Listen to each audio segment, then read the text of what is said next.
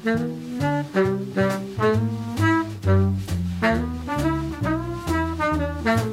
Baker va ser un dels trompetistes i vocalistes més importants del segle XX i, sense cap mena de dubte, és un d'aquells músics que passen a la història tant per la seva música com per la seva vida.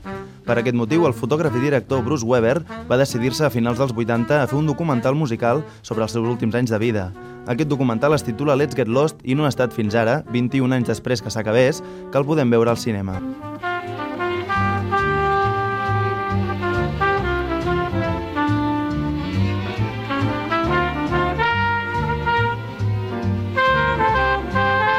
Curiosament, Chet Baker va morir quan la cinta s'estava a punt d'enllestir, en caure per la finestra d'un hotel d'Amsterdam. Això no va impedir que els seus creadors el tiressin endavant i el mateix any la van presentar. El documental s'allunya de la visió gloriosa d'un artista que als anys 50 va ser batejat com el James Dean del jazz, sinó que pretén advertir a l'espectador dels paranys als que poden caure els personatges famosos. Let's Get Lost és una pel·lícula documental de Bruce Weber i es va estrenar el passat 18 de setembre. Blai Mercè, per ICAT FM.